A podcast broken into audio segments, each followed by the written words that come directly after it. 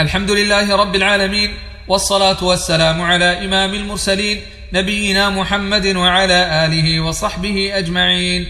أما بعد فهذه قراءة من كتاب رياض الصالحين للإمام النووي رحمه الله تعالى من الحديث الحادي والعشرين إلى الحديث الرابع والعشرين. قال رحمه الله وعن عبد الله بن كعب بن مالك وكان قائد كعب رضي الله عنه من بنيه حين عمي. قال سمعت كعب بن مالك رضي الله عنه يحدث بحديثه حين تخلف عن رسول الله صلى الله عليه وسلم في غزوة تبوك. قال كعب لم أتخلف عن رسول الله صلى الله عليه وسلم في غزوة غزاها قط إلا في غزوة تبوك. غير أني قد تخلفت في غزوة بدر ولم يعاتب أحد تخلف عنه. إنما خرج رسول الله صلى الله عليه وسلم والمسلمون يريدون عير قريش حتى جمع الله تعالى بينهم وبين عدوهم على غير ميعاد. ولقد شهدت مع رسول الله صلى الله عليه وسلم ليلة العقبة حين تواثقنا على الإسلام. وما أحب أن لي بها مشهد بدر. وإن كانت بدر أذكر في الناس منها وكان من خبري حين تخلفت عن رسول الله صلى الله عليه وسلم في غزوة تبوك أني لم أكن قط أقوى ولا أيسر مني حين تخلفت عنه في تلك الغزوة. والله ما جمعت قبلها راحلتين قط حتى جمعتهما في تلك الغزوة. ولم يكن رسول الله صلى الله عليه وسلم يريد غزوة إلا ورى بغيرها حتى كانت تلك الغزوة فغزاها رسول الله صلى الله عليه وسلم في حر شديد واستقبل سفرا بعيدا ومفازا واستقبل عددا كثيرا فجلى للمسلمين أمرهم ليتأهبوا أهبة غزوهم فأخبرهم بوجههم الذي يريد والمسلمون مع رسول الله صلى الله عليه وسلم كثير ولا يجمعهم كتاب حافظ يريد بذلك الديوان. قال كعب فقل رجل يريد أن يتغيب إلا ظن أن ذلك سيخفى. ما لم ينزل فيه وحي من الله. وغزا رسول الله صلى الله عليه وسلم تلك الغزوة حين طابت الثمار والظلال فأنا إليها أصعر. فتجهز رسول الله صلى الله عليه وسلم والمسلمون معه وطفقت أغدو لكي أتجهز معه فأرجع ولم أقض شيئا وأقول في نفسي أنا قادر على ذلك إذا أردت فلم يزل يتمادى بي حتى استمر بالناس الجد فأصبح رسول الله صلى الله عليه وسلم غاديا والمسلمون معه ولم أقض من جهازي شيئا ثم غدوت فرجعت ولم أقض شيئا فلم يزل يتمادى بي حتى أسرعوا وتفارط الغزو. فهممت أن أرتحل فأدركهم. فيا ليتني فعلت. ثم لم يقدر ذلك لي. فطفقت إذا خرجت في الناس بعد خروج رسول الله صلى الله عليه وسلم. يحزنني أني لا أرى لي أسوة. إلا رجلا مغموصا عليه في النفاق. أو رجلا ممن عذر الله تعالى من الضعفاء. ولم يذكرني رسول الله صلى الله عليه وسلم حتى بلغ تبوك فقال وهو جالس في القوم بتبوك ما فعل كعب بن مالك؟ فقال رجل من بني سلمة يا رسول الله حبسه برداه والنظر في عطفيه. فقال له معاذ بن جبل رضي الله عنه بئس ما قلت والله يا رسول الله ما علمنا عليه إلا خيرا. فسكت رسول الله صلى الله عليه وسلم فبينا هو على ذلك رأى رجلا مبيضا يزول به السراب فقال رسول الله صلى الله عليه وسلم كن أبا خيثمة. فإذا هو أبو خيثمة الأنصاري وهو الذي تصدق بصاع التمر حين لمزه المنافقون قال كعب. فلما بلغني أن رسول الله صلى الله عليه وسلم قد توجه قافلا من تبوك حضرني بثي فطفقت أتذكر الكذب وأقول بما أخرج من سخطه غدا وأستعين على ذلك بكل ذي رأي من أهلي. فلما قيل إن رسول الله صلى الله عليه وسلم قد أضل قادما زاح عني الباطل حتى عرفت أني لن أنجو منه بشيء أبدا. فأجمعت صدقه وأصبح رسول الله صلى الله عليه وسلم قادما.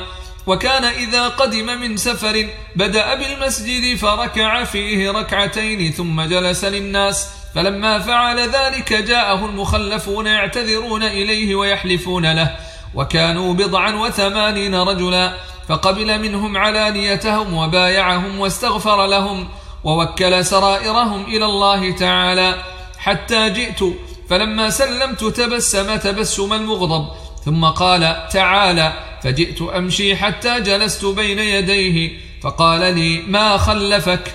ألم تكن قد ابتعت ظهرك؟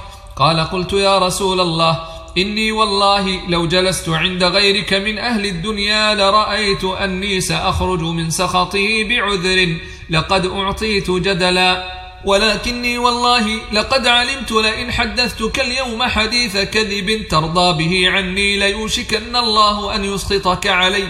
وإن حدثتك حديث صدق تجد علي فيه إني لأرجو فيه عقب الله عز وجل. والله ما كان لي من عذر. والله ما كنت قط أقوى ولا أيسر مني حين تخلفت عنك. قال فقال رسول الله صلى الله عليه وسلم أما هذا فقد صدق فقم حتى يقضي الله فيك. وثار رجال من بني سلمة فاتبعوني فقالوا لي والله ما علمناك أذنبت ذنبا قبل هذا. لقد عجزت في أن لا تكون اعتذرت إلى رسول الله صلى الله عليه وسلم بما اعتذر إليه المخلفون. فقد كان كافيك ذنبك استغفار رسول الله صلى الله عليه وسلم لك. قال فوالله ما زالوا يؤنبونني حتى أردت أن أرجع إلى رسول الله صلى الله عليه وسلم فأكذب نفسي. ثم قلت لهم هل لقي هذا معي من أحد؟ قالوا نعم لقيه معك رجلان. قالا مثل ما قلت. وقيل لهما مثل ما قيل لك. قال قلت من هما؟ قالوا مرارة بن الربيع العمري وهلال بن أمية الواقفي. قال فذكروا لي رجلين صالحين قد شهدا بدرا فيهما أسوة. قال فمضيت حين ذكروهما لي. ونهى رسول الله صلى الله عليه وسلم عن كلامنا أيها الثلاثة من بين من تخلف عنه. فاجتنبنا الناس أو قال تغيروا لنا حتى تنكرت لي في نفس الأرض فما هي بالأرض التي أعرف؟ فلبثنا على ذلك خمسين ليلة. فأما صاحباي فاستكانا وقعدا في بيوتهما يبكيان. وأما أنا فكنت أشب القوم وأجلدهم.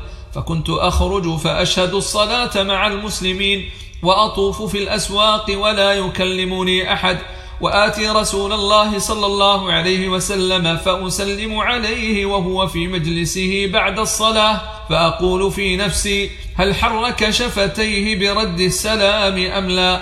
ثم أصلي قريبا منه وأسارقه النظر فإذا أقبلت على صلاتي نظر إلي وإذا التفت نحوه أعرض عني. حتى إذا طال ذلك علي من جفوة المسلمين مشيت حتى تسورت جدار حائط أبي قتادة وهو ابن عمي وأحب الناس إلي فسلمت عليه. فوالله ما رد علي السلام. فقلت له يا أبا قتادة أنشدك بالله هل تعلمني؟ أحب الله ورسوله. صلى الله عليه وسلم. فسكت. فعدت فناشدته فسكت. فعدت فناشدته فقال الله ورسوله أعلم. ففاضت عيناي وتوليت حتى تسورت الجدار. فبينا أنا أمشي في سوق المدينة. إذا نبطي من نبط أهل الشام ممن قدم بالطعام يبيعه بالمدينة يقول من يدل على كعب بن مالك؟ فطفق الناس يشيرون له إلي حتى جاءني فدفع إلي كتابا من ملك غسان وكنت كاتبا فقرأته فإذا فيه. أما بعد فإنه قد بلغنا أن صاحبك قد جفاك. ولم يجعلك الله بدار هوان ولا مضيعة فالحق بنا نواسك. فقلت حين قرأتها وهذه أيضا من البلاء فتيممت بها التنور فسجرتها حتى إذا مضت أربعون من الخمسين واستلبث الوحي إذا رسول رسول الله صلى الله عليه وسلم يأتيني. فقال إن رسول الله صلى الله عليه وسلم يأمرك أن تعتزل امرأتك فقلت أطلقها أم ماذا أفعل؟ فقال لا بل اعتزلها فلا تقربنها وأرسل إلى صاحبي بمثل ذلك. فقلت لامرأتي الحقي بأهلك فكوني عندهم حتى يقضي الله في هذا الأمر. فجاءت امرأة هلال بن أمية رسول الله صلى الله عليه وسلم فقالت له يا رسول الله إن هلال بن أمية شيخ ضائع. ليس له خادم فهل تكره أن أخدمه؟ قال لا ولكن لا يقربنك. فقالت إنه والله ما به حركة إلى شيء ووالله ما زال يبكي منذ كان من أمره ما كان إلى يومه هذا. فقال لي بعض أهلي لو استأذنت رسول الله صلى الله عليه وسلم في امرأتك فقد أذن لامرأة هلال بن أمية أن تخدمه. فقلت لا أستأذن فيها رسول الله صلى الله عليه وسلم وما يدريني ماذا يقول رسول الله صلى الله عليه وسلم إذا استأذنته وأنا رجل شاب فلبثت بذلك عشر ليال فكمل لنا خمسون ليلة من حين نهي عن كلامنا. ثم صليت صلاة الفجر صباح خمسين ليلة على ظهر بيت من بيوتنا. فبين أنا جالس على الحال التي ذكر الله تعالى منا. قد ضاقت علي نفسي وضاقت علي الأرض بما رحبت. سمعت صوت صارخ أوفى على سلع يقول بأعلى صوته يا كعب بن مالك أبشر. فخررت ساجدا وعرفت أنه قد جاء فرج. فآذن رسول الله صلى الله عليه وسلم الناس بتوبة الله عز وجل علينا حين صلى صلاة الفجر. فذهب الناس يبشروننا. فذهب قبل صاحبي مبشرون وركض رجل إلي فرسا وسعى ساع من أسلم قبلي وأوفى على الجبل فكان الصوت أسرع من الفرس. فلما جاءني الذي سمعت صوته يبشرني نزعت له ثوبي فكسوتهما إياه ببشارته. والله ما أملك غيرهما يومئذ. واستعرت ثوبين فلبستهما. وانطلقت أتأمم رسول الله صلى الله عليه وسلم. يتلقاني الناس فوجا فوجا يهنئونني بالتوبة.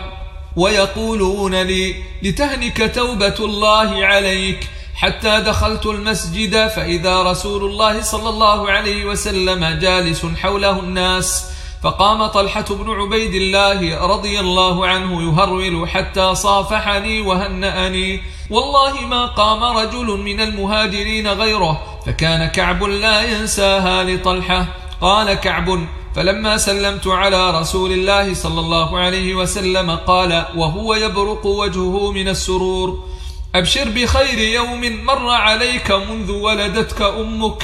فقلت أمن عندك يا رسول الله أم من عند الله؟ قال لا بل من عند الله عز وجل. وكان رسول الله صلى الله عليه وسلم إذا سر استنار وجهه حتى كأن وجهه قطعة قمر وكنا نعرف ذلك منه. فلما جلست بين يديه قلت يا رسول الله إن من توبتي أن أنخلع من مالي صدقة إلى الله وإلى رسوله. فقال رسول الله صلى الله عليه وسلم أمسك عليك بعض مالك فهو خير لك. فقلت إني أمسك سهم الذي بخيبر. وقلت يا رسول الله إن الله تعالى إنما أنجاني بالصدق وإن من توبتي أن لا أحدث إلا صدقا ما بقيت. فوالله ما علمت أحدا من المسلمين أبلاه الله تعالى في صدق الحديث منذ ذكرت ذلك لرسول الله صلى الله عليه وسلم. أحسن مما أبلاني الله تعالى. والله ما تعمدت كذبة منذ قلت ذلك لرسول الله صلى الله عليه وسلم إلى يومي هذا.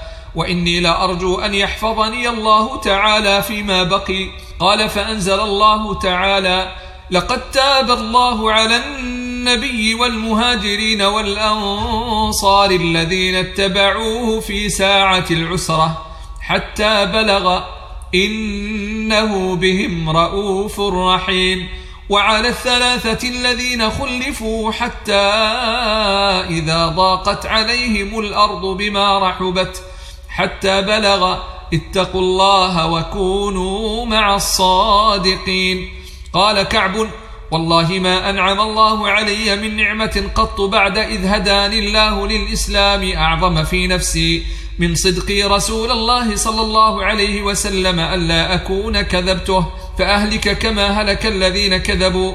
إن الله تعالى قال للذين كذبوا حين أنزل الوحي شر ما قال لأحد فقال الله تعالى سيحلفون بالله لكم إذا انقلبتم إليهم لتعرضوا عنهم فأعرضوا عنهم إنهم رجس ومأواهم جهنم جزاء بما كانوا يكسبون. يحلفون لكم لترضوا عنهم فإن ترضوا عنهم فإن الله لا يرضى عن القوم الفاسقين. قال كعب كنا خلفنا أيها الثلاثة عن أمر أولئك الذين قبل منهم رسول الله صلى الله عليه وسلم حين حلفوا له فبايعهم واستغفر لهم وأرجأ رسول الله صلى الله عليه وسلم أمرنا حتى قضى الله تعالى فيه بذلك. قال الله تعالى وعلى الثلاثة الذين خلفوا وليس الذي ذكر مما خلفنا تخلفنا عن الغزو وإنما هو تخليفه إيانا وإرجاؤه أمرنا عمن حلف له واعتذر إليه فقبل منه. متفق عليه. وفي رواية أن النبي صلى الله عليه وسلم خرج في غزوة تبوك يوم الخميس وكان يحب أن يخرج يوم الخميس. وفي رواية وكان لا يقدم من سفر إلا نهارا في الضحى. فإذا قدم بدأ بالمسجد فصلى فيه ركعتين ثم جلس فيه. وعن أبي نجيد بضم النون وفتح الجيم عمران بن الحسين الخزاعي رضي الله عنهما أن امرأة من جهينة أتت رسول الله صلى الله عليه وسلم وهي حبلى من الزنا فقالت يا رسول الله أصبت حدا فأقمه علي. فدعا نبي الله صلى الله عليه وسلم وليها فقال أحسن إليها. فإذا وضعت فأتني ففعل فأمر بها نبي الله صلى الله عليه وسلم فشدت عليها ثيابها ثم أمر بها فرجمت ثم صلى عليها فقال له عمر تصلي عليها يا رسول الله وقد زنت. قال لقد تابت توبة لو قسمت بين سبعين من أهل المدينة لوسعتهم وهل وجدت أفضل من أن جادت بنفسها لله عز وجل؟ رواه مسلم. وعن ابن عباس وأنس رضي الله عنهم أن رسول الله صلى الله عليه وسلم قال لو أن لابن آدم واديا من ذهب أحب أن يكون له واديان ولن يملأ فاه إلا التراب ويتوب الله على من تاب. متفق عليه. وعن أبي هريرة رضي الله عنه أن رسول الله صلى الله عليه وسلم قال يضحك الله سبحانه وتعالى إلى رجلين يقتل أحدهما الآخر يدخلان الجنة. يقاتل هذا في سبيل الله فيقتل ثم يتوب الله على القاتل فيسلم فيستشهد. متفق عليه.